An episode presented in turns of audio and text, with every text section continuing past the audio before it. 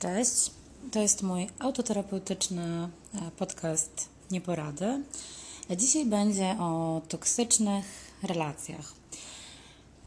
Przede wszystkim, e, zanim w ogóle zacznę opowiadać o mojej historii i o moim e, toksycznym związku, chciałabym, żeby trochę może to zdefiniować. To znaczy, ja nie jestem, nie jestem, nie jestem psychologiem, nie jestem psychoterapeutą i E, oczywiście nie mam pewnie jakiejś takiej merytorycznej wiedzy i z tego zakresu, ale wiem jedno i tutaj dziękuję jednej z moich fantastycznych koleżanek, która też mi to bardzo mocno uświadomiła, że w zasadzie chyba toksyczną relacją można nazwać każdą relację, w której nie czujemy się dobrze.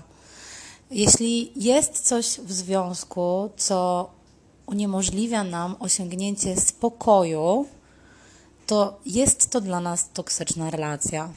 I to niezależnie od tego, czy um, mówimy tutaj o jakichś, wiecie, skrajnych przypadkach, że um, nie wiem, ktoś po prostu się czuje chujowo w relacji, bo na przykład, nie wiem, jest bity.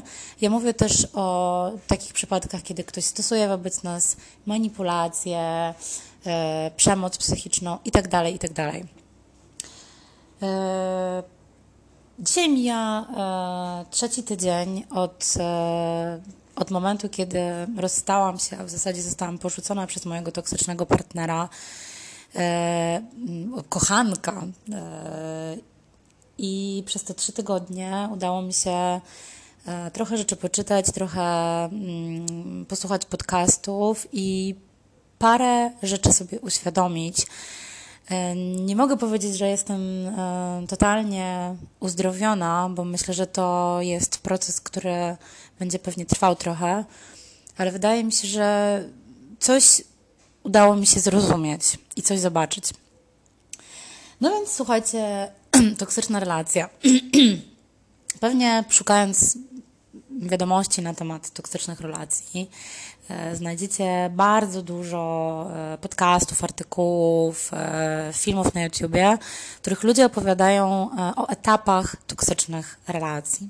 Słuchajcie, dla mnie to był strzał w dziesiątkę, ponieważ jak zaczęłam sobie analizować um, moją relację z um, toksyną, czyli typ, typ, typem toksyną, który mnie porzucił, to tak naprawdę okazało się, że dosłownie, znaczy wiecie, mną dosłownie wstrząsnęło, bo ja nagle uświadomiłam sobie, że wszystko to, o czym mówią ci ludzie na tych podcastach i w tych artykułach, to dokładnie, kurwa, tak wyglądało. To znaczy, dokładnie były te wszystkie po kolei etapy, może, nie dokładnie wszystkie, tutaj przesadziłam, bo jakby wiadomo, że każda relacja jest inna, każda relacja wiąże się, jakby rządzi się swoimi prawami, to wiadomo, no ale y, większość tych e, sytuacji, które miały miejsce, e, rzeczywiście no, wpisywały się dokładnie w ten schemat. E, ja tak naprawdę zaczęłam drążyć, drążyć ten temat toksycznych relacji z tego powodu, że wiecie, jestem, wydaje mi się, całkiem chyba zdrowym i normalnym człowiekiem. No może mam trochę za dużo w sobie emocji i te emocje są trochę, bardzo intensy- trochę bardziej intensywne. Jestem mega wrażliwą osobą i zawsze byłam. Tylko pytanie, czy to jest tak naprawdę coś złego. Wydaje mi się, że to jest akurat zajebiste, bo dzięki temu, że jestem wrażliwa, no mogę robić pewne rzeczy, które robię na przykład w życiu. Na przykład zajmować się fotografią, co też robię. Pewnie część z Was e, e, tego o mnie nie wie. Ale do rzeczy. Toksyczna, e, toksyczna relacja. Mm, opowiem moją historię, tak? No, u mnie to zaczęło się w ten sposób. Oczywiście, no, poznałam typa w sieci. Poznałam typa na Tinderze. E, kwestia w ogóle Tindera to jest, to jest w ogóle temat na odrębny podcast i w ogóle to zastanawiam się, czy nie zrobić takiego podcastu, do którego zaproszę po prostu moje koleżanki, które, które um, używają Tindera, bo to jest w ogóle, no naprawdę, to jest e, zjawisko bardzo ciekawe, ale też bardzo smutne. Natomiast, no co, ja poznałam typka na, na Tinderze. I to było tak, że oczywiście zaczęliśmy e, z sobą gadać na tym Tinderze, jakoś bardzo szybko zaklikało, bardzo szybko naprawdę przenieśliśmy się na, na Whatsappa I ja potem, jak przyszli, przenieśliśmy się na tego WhatsApp, to ja następnego dnia e, Tindera wykasowałam, typkowi napisałam na WhatsAppie, że jakby, no, jak chcesz ze mną gadać, to ja jestem na WhatsAppie. Natomiast na Tindera już nie wchodzę. Ja skasowałam Tindera jakby, za, jakby wtedy, tak, po tej rozmowie z nim, dlatego że ja już miałam wcześniej e, e, różne doświadczenia z Tinderem i weszłam tam, nie wiem, po raz kolejny po, po pół roku, czy może trochę więcej i, i zobaczyłam, że to po prostu nie jest dla mnie. Ja w zasadzie chciałam chyba mieć kogoś, z kim sobie pogadam, z kim, nie wiem, pójdę na imprezę, z kim sobie może wciągnę kreskę, jak będę miała ochotę. Takiego kumpla, przyjaciela. Ja naprawdę, serio, totalnie nie szukałam żadnej miłości, nie szukałam nawet seksu, szczerze mówiąc. Po prostu, po prostu mi się nudziło, chciałam kogoś poznać, kogoś innego. No więc zaczęłam gadać z typem i e, typ, e, brałam pod uwagę to, że on chwilę ze mną pogada i potem zniknie, no ale słuchajcie, nie zniknął. Zaczął do mnie napierdalać wiadomościami na Whatsappie, w zasadzie no, z częstotliwością kurwa karabinu maszynowego. I, e, wiecie, to było rozmowa o wszystkim. No. Znaczy, zaczęło się od tego, że zaczęliśmy gadać o muzyce, że słuchamy takiej samej muzy, że w ogóle wychowaliśmy się na tej samej muzy, muzie. I to było takie fascynujące, bo ja gdzieś przeżywałam z nim e, tak, taki powrót do, e, do przeszłości, do, do, do, do, do moich młodzieńczych lat. No to było fajne. E, w, tej, w tym pierwszym etapie tej znajomości, oczywiście zaraz po tym, jak gadaliśmy na WhatsAppie, on zaczął do mnie dzwonić i też bardzo szybko dążył do spotkania ze mną. I ten pierwszy etap e, znajomości e, i pierwszy etap w ogóle takiej toksycznej relacji, dla, dla tego etapu bardzo charakterystyczne jest to, że te osoby, które są toksyczne, e, bardzo podoba mi się to określenie, zalewają nas swoją miłością. I to było, słuchajcie, coś, z czego ja sobie nie do końca zdawałam sprawę i nie do końca potrafiłam to nazwać, dopóki właśnie nie trafiłam na te podcasty. Bo rzeczywiście z tym kolesiem było tak, że no on podkręcał, podkręcał, podkręcał non-stop atmosferę, ale wiecie, ale to nie było tak, że on, nie wiem, pisał mi jakieś pierdolety w stylu, że tak, marzę o twoich cyckach, nie wiem, chciałbym cię dotknąć i tak dalej. Nie, on naprawdę prowadził ze mną fajną, inteligentną rozmowę, wymieniliśmy się, nie wiem, poglądami na różne rzeczy, o tym, nie wiem, gdzie chodzimy, co robimy, jak wygląda nasze życie i tak dalej, i tak dalej, i tak dalej. I um, to wszystko gdzieś tam, oczywiście w trakcie, to też było w ogóle ciekawe, jak patrzę na to z perspektywy, że ta znajomość e, z nim w zasadzie też zaczęła się od tego, że on jakby kawa na ławę mi wywalił, e, można to tak nazwać, w zasadzie kim on jest i jaki jest bardzo chujowy, czyli napisał, napi, mówił mi o tym, że no, że y, on ma HUD, czyli ma dwubiegunówkę, że w ogóle to w zasadzie to jest, nie ma niczego ciekawego do zaproponowania, no bo y, przez to, że ma ten HUD, to ludzie się od niego odsuwają, że w ogóle to jest brzydki, ma krzywe zęby i w ogóle to ma łuszczycę i tak dalej, i tak dalej, czyli zrobił sobie taki, można powiedzieć, czarny PR. I, ale to ciekawe, teraz tak też myślę sobie o tym, e, nagrywając ten podcast, że to mnie kompletnie nie zaraziło. To znaczy, ja w ogóle weszłam w jakiś taki tryb, który e, no, chyba taki, o którym mu chodziło, e, weszłam w taki tryb, że no nie, no nie jesteś taki chujowy, no przecież to jest niemożliwe, wiesz, no może zdajesz się nie z tymi ludźmi, co trzeba i tak dalej, i tak dalej. Więc weszłam w tryb takiej, wiecie, no kogoś, kto się nim po prostu zaopiekuje, zupełnie nieświadomie. No i słuchajcie, ta znajomość się tak e, kręciła, kręciła, kręciła. Oczywiście po bardzo szybko po tych e, no, intensywnych rozmowach na WhatsAppie doszło do tego, że się spotkaliśmy. On przyjechał do mnie do domu. Całą noc wciągaliśmy kreski, więc wiecie, no, dodatkowa serotonina, która zalała mój mózg. No, ale pierwszej nocy on wyszedł ode mnie z domu i no, przytulaliśmy się tylko, ale tak zupełnie nie seksualnie, po prostu przytulaliśmy się. No, narkotyki trochę wyzwalają w ludziach, a e, przynajmniej we mnie, takie, taką chęć do, wiecie, do takiego do poczucia bliskości z drugą osobą, do przytulenia się właśnie, do, e, do bycia z kimś blisko, ale nie do seksu, tylko do uprawiania jakby seksu, tylko, tylko właśnie do, do, do, do bycia z kimś blisko. No w każdym razie on tej pierwszej nocy ode mnie wyszedł nad ranem i to się tak przytuliliśmy i w ogóle to, wiecie, no, serotonina zalała mój mózg podwójnie w tym momencie. No i następnego dnia znowu przyjechał, ponieważ ja go o to poprosiłam. Kurczak kawy. Mm. Bo wiecie, klasycznie po, po mm, amfetaminie miałam po prostu totalny zjazd, było mi chujowo, więc chciałam, żeby ktoś przy mnie był. E, więc do niego zadzwoniłam. No i przyjechał. No i już jak przyjechał, no to wiadomo na czym to się skończyło. Popłynęliśmy, można by rzec, do końca. Ale mm, jesteśmy w dalszym ciągu w, w pierwszym etapie e, relacji z toksyną.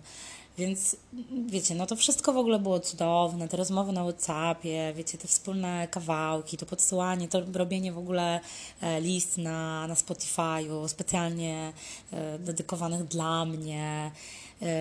To w ogóle, że on mi mówił, że jestem w ogóle najlepszą e, rzeczą, która mu się trafiła e, przez ostatnie parę miesięcy, że on w ogóle ostatnie dwa lata to, wiecie, siedział w domu w depresji, a ja byłam tą, która um, pozwoliła mu z tej depresji wyjść, że on w ogóle teraz dzięki mnie oddycha, no wiecie, no same superlatywy, to znaczy no to gdzieś tam to wszystko, czego mm, słuchałam, pozwoliło mi uwierzyć, że no, e, no jestem zajebista, jestem jedyna w swoim rodzaju, jestem wyjątkowa, e, że ja mu tutaj pomogę, ja mam tu misję, on jest taki biedny i jego... Znaczy ja chyba nawet nie miałam takiej, wiecie, takiej, takiej gdzieś takiego planu, że ja go będę tutaj wyciągać e, z jego choroby, z jego uzależnienia, no bo poza tym, że mm, że e, no twierdził, że ma dwubiegunówkę, chociaż teraz zaczynam się nad tym zastanawiać, czy to faktycznie było tak, że on tą dwubiegunówkę miał i tak strasznie cierpiał z powodu tej dwubiegunówki, czy może to było tak, że on faktycznie tą dwubiegunówkę miał, ale bardzo dobrze o nią ogarniał. Natomiast no, poza tym, że miał tą dwubiegunówkę, to no, był totalnie uzależniony od, wiecie, od palenia, od, e, znaczy od palenia e, wioła, od, e, od dragów, od i też nie krył się z tym zupełnie. Ja po prostu mówił, że on tak robi, bo jest mu tak wygodnie, że w ogóle tak jest zajebiście, wszystko jest dla ludzi i tak dalej. I, i głównie go interesuje tak naprawdę, kto sobie co o tym pomyśli. Um, więc w pewnym momencie doszło do tego, że no on mi e, w zasadzie napisał, że mnie kocha.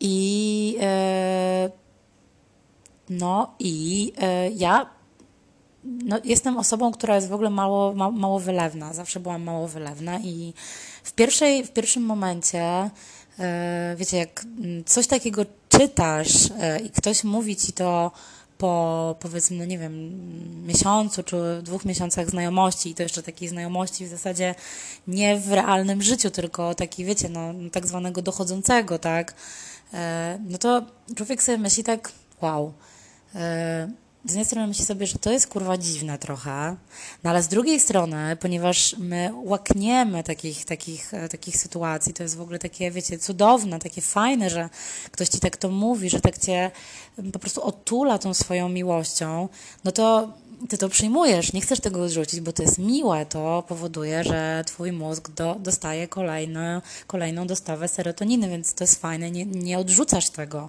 po prostu to bierzesz. Um, więc wiecie, ja w ogóle tym bardziej myślałam sobie, że, e, że skoro on mi to powiedział, e, że skoro e, no, takie wyznania miłości mi tutaj, wiecie, robi, i tak naprawdę nie znika, wiecie, no codziennie do mnie pisze, przez pięć miesięcy pisze do mnie, kurwa, codziennie, no codziennie gadamy ze sobą po parę godzin. Były takie dni, kiedy potrafiliśmy po prostu non-stop siedzieć w telefonach i non-stop ze sobą gadać. Um, więc wiecie, no jeśli ktoś coś takiego robi e, wobec was, no to myślcie sobie, ja pierdolę, no to musi być prawdziwe, to jest prawdziwa miłość. E, no i tak też było ze mną. Ja po prostu uwierzyłam w to, że to była mm, to była zajebista miłość. No i dalej, no to wiecie, już wszystko się rozkręcało swoim e, torem, to znaczy ja po prostu się w, totalnie wpierdoliłam w tą znajomość, to znaczy e, ja w zasadzie poświęcałam całą swoją energię, wszystkie swoje myśli w zasadzie tylko jemu. E, ja się uzależniłam od tej znajomości, uzależniłam się od niej do tego stopnia, że jak, y, nie wiem, pisałam coś do niego i on na przykład mi nie odpisywał przez, y, nie wiem, przez godzinę czy przez dwie, no to ja już byłam w ogóle w stresie, dlaczego on mi nie odpisuje i zastanawiałam się, czy, czy co się w ogóle tam dzieje i czy w takim razie ta znajomość dalej będzie kontynuowana, czy nie, skoro on mi nie odpisał. No ale odpisywał, tak, odpisywał, słuchajcie. To też, to też była taka pułapka, która no, zastawiona na mnie była bardzo skuteczna, bo ja też, mnie do niego też przywiązał, przywiązał ten fakt, że on w przeciwieństwie do innych moich różnych e, facetów po prostu nie znikał, wiecie, on cały czas był, no. E, odpowiadał na wszystkie moje wiadomości. Jak e, byłam w domu i mówiłam mu, słuchaj stary, tak wpadaj, jestem w domu, no to on w ogóle, wiecie, przekładał swoje plany i wpadał i był, po prostu natychmiast był u mnie. No ale przechodząc dalej, więc no ten etap zalewania miłością e, no skutecznie mnie do niego przywiązał, czego oczywiście też wtedy nie widziałam.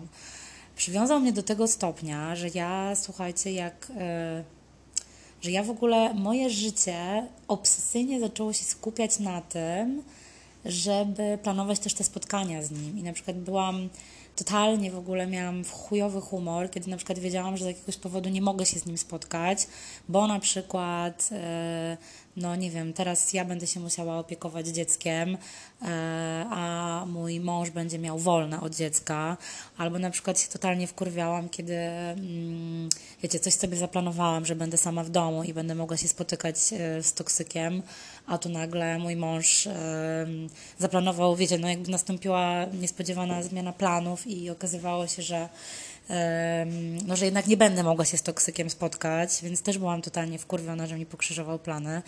I no, całe moje życie rzeczywiście było skupione na tym, żeby te spotkania planować, żeby to wszystko jakby, wiecie, mojego męża, moje dziecko tak ustawiać, żeby, mm, no, żeby umawiać się na spotkania.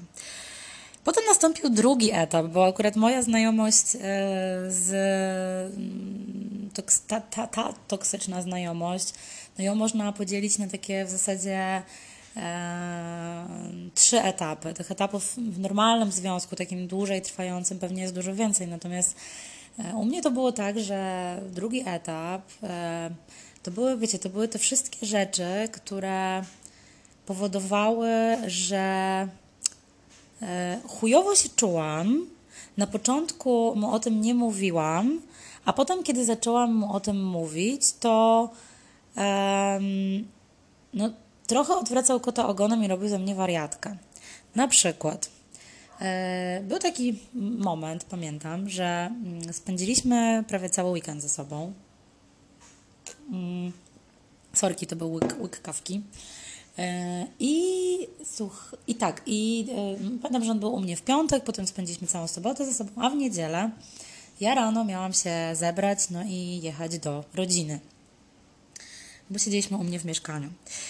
I słuchajcie, wychodzę sobie spod prysznica. wchodzę do, do, do, do, pokoju i widzę, że on radośnie e, siedzi sobie i napierdala z kimś przez telefon. Ale z tej rozmowy E, zrozumiałam, że to nie jest y, y, po prostu, wiecie, jakaś bardzo ważna rozmowa z kimś, kto kurwa właśnie, nie wiem, próbuje się rzucić z okna, tylko, że to jest po prostu rozmowa z jego byłą, z którą on omawia jakieś kurwa jej relacje z, z gościem, który, nie wiem, ją właśnie rzucił,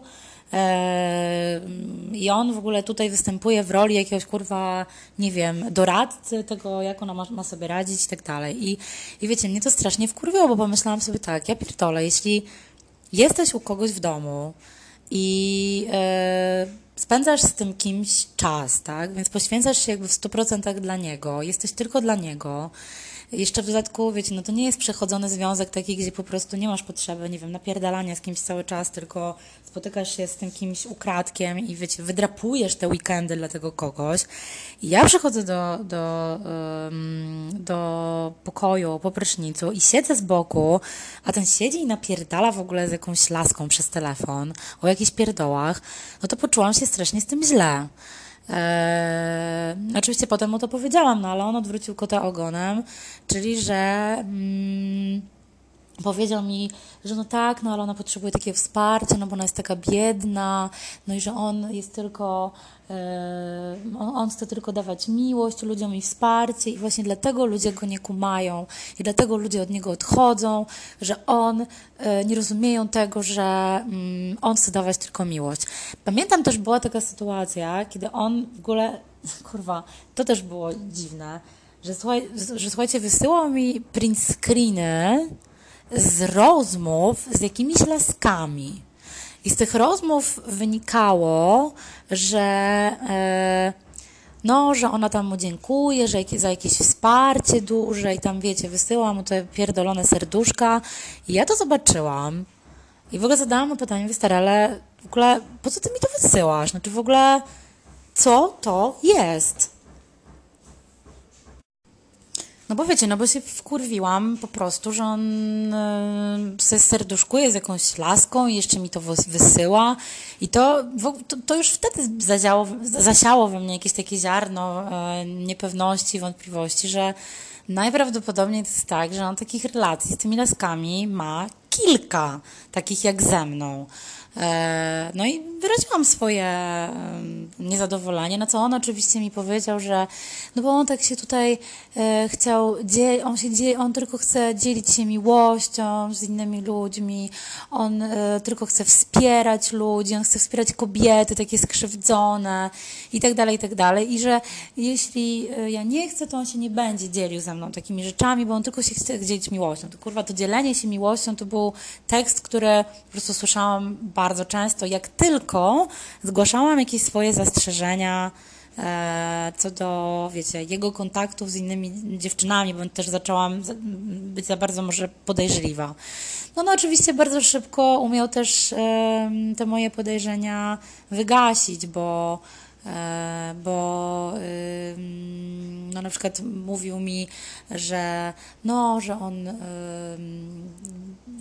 że ja jestem dla niego jedyna, że on tylko ze mną ma taką relację, taką dojrzałą, taką wspaniałą, że tylko ja go rozumiem, że, że on w ogóle nie czuje pociągu seksualnego do żadnych innych kobiet poza mną. No też bardzo mi, wiecie, nawijał makaron na uszy e, w łóżku. Znaczy, no seks rzeczywiście z nim był y, zajebisty, ale teraz tak sobie o tym myślę, że może był też dlatego zajebisty, bo to, no po prostu tam, wiecie, emocje były podkręcone po prostu do, do granic. I to też się o tym mówi, że właśnie przy takich toksycznych relacjach z ludźmi, kiedy mm, to jest tak, że ty tej toksyny nie masz na wciąż, tylko ona tak, wiecie, jest, potem znika, potem jej nie ma, potem znika. No taka była nasza relacja, no bo przecież my nie mieszkaliśmy ze sobą na wciąż, tylko on po prostu był dochodzącym. No więc jak on, wiecie, do mnie przychodził i się na mnie rzucał, no to ja po prostu miałam, wiecie, no kisiel w, w gaciach już jak dzwonił domofon, nie mówiąc o tym, co się działo już potem w łóżku. No ale wracając e, do kolejnych etapów e, relacji z toksyną. Wrócę jeszcze trochę na moment do, do, tej, e, do tego pierwszego etapu, tego takiego, wiecie, zalewania miłością, bo przypomniało mi się, że bardzo charakterystyczne jest to, że ci ludzie, a przynajmniej ten mój toksyk, bardzo szybko skrócił dystans między nami. To znaczy to, że ja mm, oczywiście wpuściłam go do swojego mieszkania, no to, to ja skróciłam ten dystans najpierw. Ale on potem w tym mieszkaniu, słuchajcie, u mnie się zachowywał, kurwa, jak u siebie. Znaczy, wiecie, no w ogóle bez żadnego, nie wiem, bez żadnej krępacji, e, kładł się na kanapie, układał sobie moje poduszki, wiecie, grzebał w moich szafkach, szedł pod prysznic, używał moich rzeczy. Do tego stopnia był kurwa bezczelny, że nawet e, w pewnym momencie się zapytał mnie, czy, no, czy ja bym tutaj nie dała mu pod głowę tej poduszki, e, która pozwoliłaby mu lepiej, e, bo miałam taką specjalną poduszkę z Ikei dla osób, które, wiecie, mają problem z kręgosłupem i czy on by tutaj tej na tej poduszce sobie nie mógł położyć się. A oprócz tego też zachowywał się na przykład tak, że wiecie, że przyjeżdżał do mnie do domu na przykład z kąpem i był wielce zapracowany i udawał, że pracuje. No teraz mi się wydaje, że udawał, no bo skoro go wyjebali z tej pracy, to chyba udawał, że pracuje a nie faktycznie pracował. No nie wiem, no siedział sobie u mnie na, na kąpie i w ogóle, wiecie, palił blanty i sobie coś tam e, robił w telefonie. Nie wiem, pewnie też czatował między, mm, międzyczasie z innymi ludźmi. To były takie rzeczy, które mnie wkurwiały, bo wydawało mi się, że skoro ja poświęcam mu 100% swojej uwagi, no to on przychodząc do mnie też powinien to robić. No ale oczywiście, no nie zwróciłam mu uwagi, a jakże. Nie chciałam z nim o tym rozmawiać, nie chciałam do niego mieć żadnych pretensji, bo oczywiście bałam się, że mnie zostawi i ta wspaniała, e, te wspaniałe endorfiny, których mi dostarczał, raz, dwa, trzy, znikną. I teraz przechodząc do drugiego etapu, no właśnie w drugim etapie to jest trochę tak, że, mm, że wiecie, że zaczynamy się czuć chujowo, znaczy zaczynamy mieć jakieś oczekiwania e, względem tej osoby, ale w momencie, kiedy próbujemy to oczekiwania w jakiś sposób zwerbalizować, albo tą, oso tą osobę, mm, no, no, nie wiem, powiedzieć jej na przykład, że nie wiem, że coś mi się nie podobało, że, ym, że może powinno to trochę inaczej wyglądać, no to ta osoba yy, robi z nas wariata. Czyli tutaj tak bardzo ładnie, jest takie bardzo ładne na to określenie, to się nazywa gaslighting. I no, to polega na tym, że my właśnie, czyli ja zgłosiłam zastrzeżenia co do tego, że on E, rozmawia z tą swoją byłą, a on oczywiście odwrócił kota ogonem, bo powiedział mi, że no ale przecież um, to nie jest nic tak strasznego, bo on tylko ją wspiera i że ja w zasadzie to chyba, no nie do, to, to ja mam problem, że ja nie rozumiem, że on kogoś może w ten sposób wspierać, tak? Oczywiście nie powiedział mi tego wprost, ale taki był mniej więcej wydźwięk jego komentarza, że że to chyba ja mam z czymś problem, skoro uważam, że wspieranie kogoś jest y, czymś niefajnym w takich trudnych chwilach. No i teraz przejdźmy do etapu numer 3. E, no, etap numer 3 to.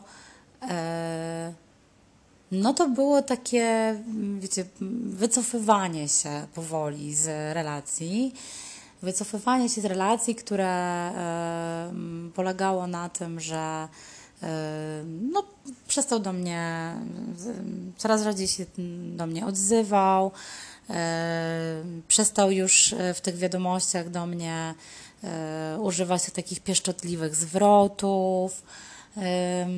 No to ja to czułam, tak, że, że coś tam się zaczyna dziać, że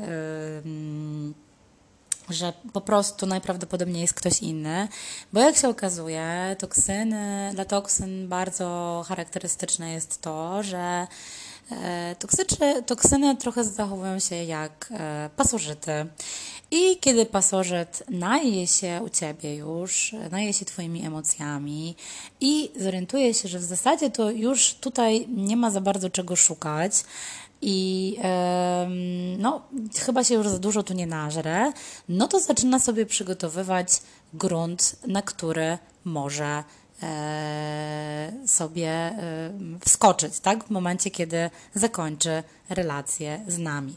W moim przypadku było tak, że ja, e, no, wydarzyła się sytuacja, w której e, musiałam się udać do lekarza po tabletkę po E, toksyczny typek e, w zasadzie w ogóle się tym tematem nie zainteresował.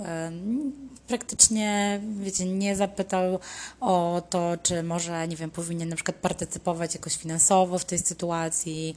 W zasadzie w żaden sposób mnie nie, nie wspierał, no tam parę razy zapytał, jak się czuję, ale w zasadzie to musiałam to trochę na nim wymusić. Potem w zasadzie właśnie już na tym etapie zaczął się tak ode mnie odsuwać.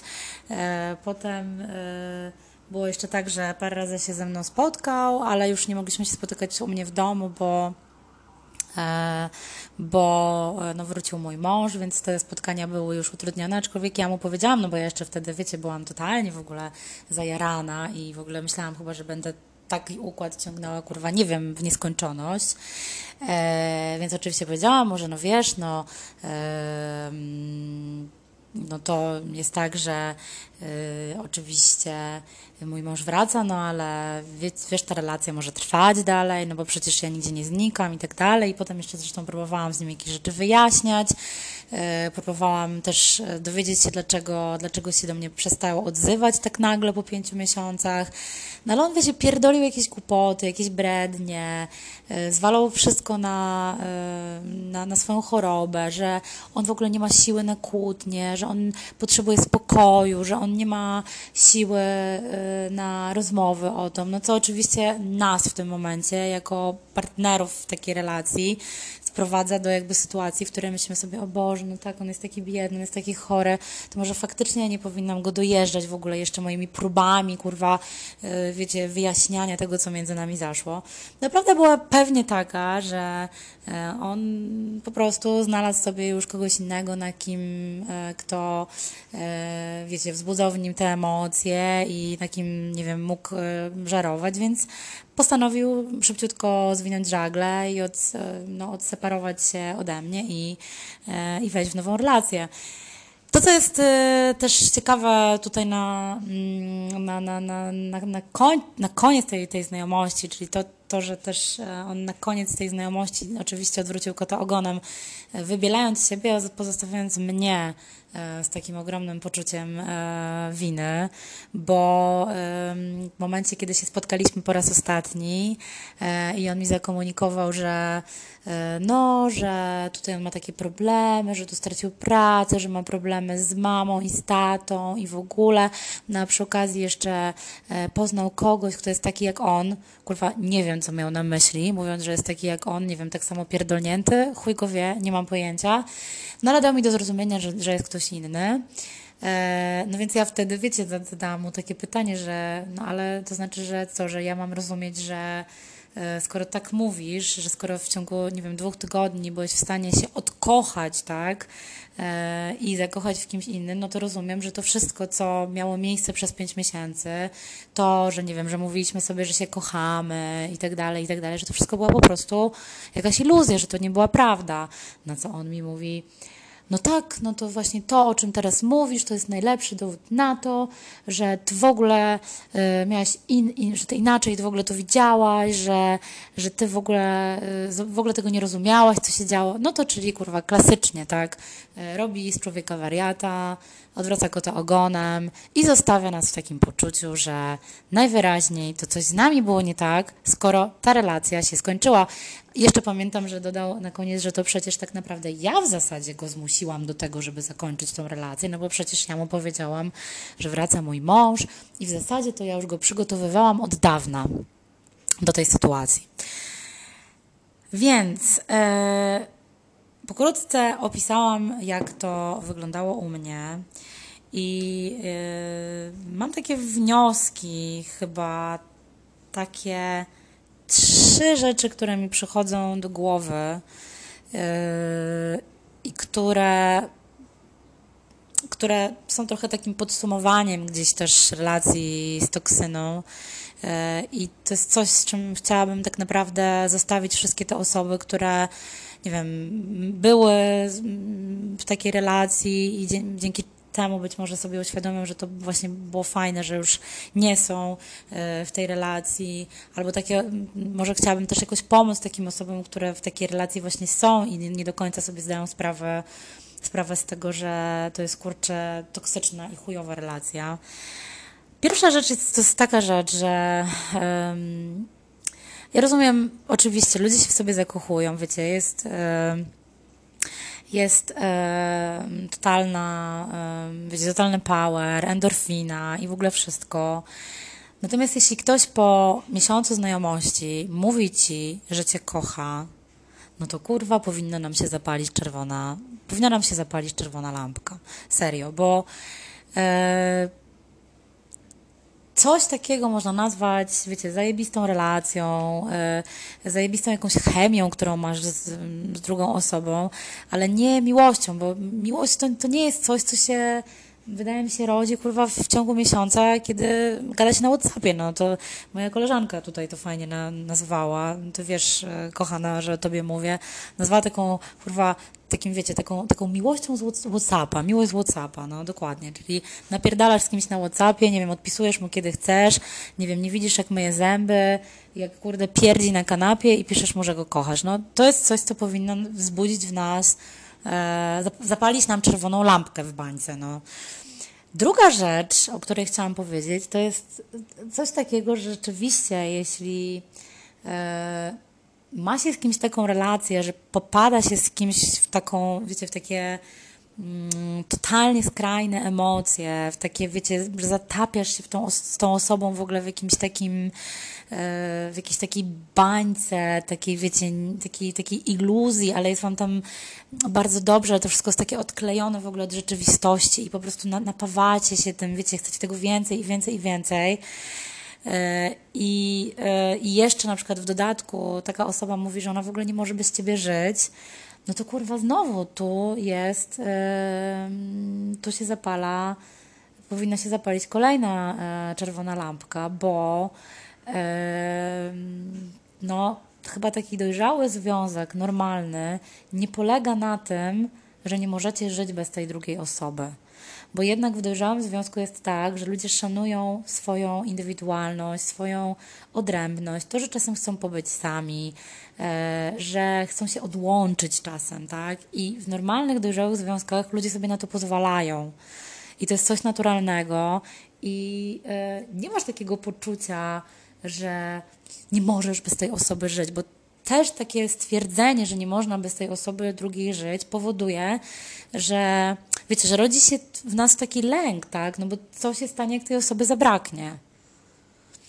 E, a ja to słyszałam od, od, od mojego toksyka no, e, parę razy, tak? I on mi płakał w ogóle, wiecie, płakał mi, po prostu klękał przede mną, płakał, że w ogóle on wie, że on nie może ze mną być, ale on mnie kocha i on w ogóle nie może beze mnie żyć i on nie chciałby się ze mną w ogóle rozstawać. Natomiast trzecia rzecz, e, o której e, chciałam powiedzieć, o kurwa, teraz zapomniałam, ale e, trzecia rzecz to jest chyba coś takiego, że mm, wiecie, mm, znaczy to jest to właśnie, co mówiłam na początku, że w normalnym związku zdrowym nie ma się negatywnych raczej emocji. To znaczy, oczywiście można się z kimś kłócić, można, e, wiecie, mieć ciche dni, ale to nie są negatywne e, akcje czy tam emocje, które dotyczą jakichś takich, wiecie, podstaw bycia z drugą osobą. Nie wiem, nie masz takiego lęku, że ta osoba cię, e, nie wiem, zostawi. Nie masz takiego lęku, bo nie zastanawiasz się w ogóle, co on tam sobie myśli i co on za moment odjebie, a w jakim stanie w ogóle go zobaczysz. Nie, nie ma czegoś takiego i, i masz też taką pewność, że ta osoba po prostu jest z tobą, że, ci, że jej na tobie zależy i masz taki spokój z tą drugą osobą. Nie masz takiego jakiegoś e, takiego kurwa jakby normalny związek z drugą osobą to nie jest roller coaster emocjonalny. To jest po prostu spokój, który daje ci możliwość e, zajęcia się też, nie wiem, własnym rozwojem na przykład, tak? No bo jak masz spokój w tej takiej podstawowej sferze funkcjonowania z drugą osobą, no to możesz zaspokajać inne swoje potrzeby. To jest ta, kurde, słynna piramida Maslowa, tak? Potrzeb Maslowa, że musisz mieć zaspokojone podstawowe potrzeby, a dopiero potem, czyli w tym przypadku taka, wiecie, no potrzeba spokoju, takiego e, zaufania do drugiej osoby, nie jakichś, kurwa, takich skrajnych emocji ciągle żeby móc iść dalej. I to są chyba takie e, główne wnioski, do których doszłam. E, wiecie, dalej jak, na to, jak to nagrywam teraz i o tym opowiadam i za chwilę to już będzie 40 minut e, tego nagrania, ale musiałam to z siebie wszystko wypluć, to wiecie, dalej kurwa, no trudno jest mi w to uwierzyć, że byłam w relacji z kimś, kto e, no tak mną manipulował, bo wiecie, w ogóle całe to moje poszukiwanie i ta, ta moja chęć zrozumienia tego, dlaczego to tak nagle się urwało, tak nagle urwała się ta znajomość właśnie z kimś, kto, e, kto wydawał mi się po prostu niemalże w ogóle moim idealnym, wymarzonym partnerem, bo miałam z nim taki flow próbowałam to zrozumieć, dlaczego on tak po prostu uciął tą znajomość, wiecie, no bo tam się tak naprawdę między nami nic takiego nie wydarzyło, nie wiem, nie pokłóciliśmy sobie, nie zrobiliśmy sobie żadnej krzywdy, nie powiedzieliśmy sobie czegoś, nie wiem, bardzo przykrego, co by mogło spowodować, że, yy, że chcesz po prostu natychmiast się od tej osoby odciąć.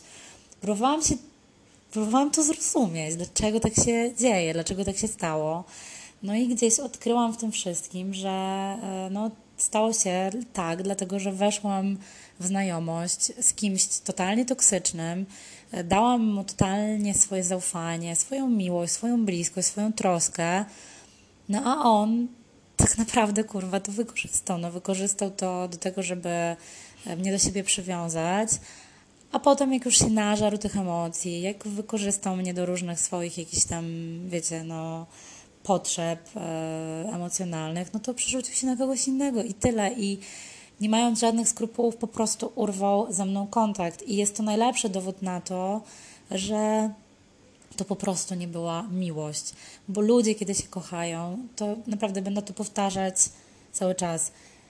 Mam wśród swoich znajomych, słuchajcie, związki, które naprawdę różnie się układały i ludzie się rozstawali, się schodzili ze sobą, ale walczyli o to. Więc jeśli ktoś o was nie walczy i ktoś po prostu zrywa z wami kontakt i yy, po prostu was zostawia, tak? Zostawia was kurwa rozjebanych emocjonalnie, zostawia was mając was totalnie w dupie, to znaczy, że to nie była miłość i że tej osobie totalnie na was nie zależało. I przed takimi ludźmi należy po prostu spierdalać. I ja to wiem, coraz bardziej to wiem i coraz bardziej to do mnie dochodzi. Tak jak powiedziałam na początku, nie czuję się jeszcze w 100% uzdrowiona, ale zaczynam coraz bardziej rozumieć, że żyłam w iluzji i że dałam się zmanipulować i że też poświęcałam siebie i swoje poczucie komfortu, swoje poczucie, wiecie, własnej wartości yy, dla kogoś, kto nie był zupełnie tego wart. Yy, dobra, yy, kończę ten strasznie długi podcast.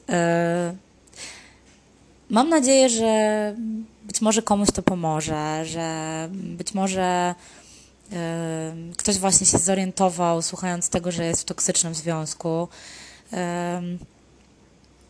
Myślę, że ja oczywiście, wiecie, liznęłam ten temat tutaj, powiedziałam tylko o o mojej historii. Jest wiele wątków, o których też tu nie powiedziałam, e, które miały miejsce. E, natomiast no, musiałabym o tym gadać chyba parę godzin.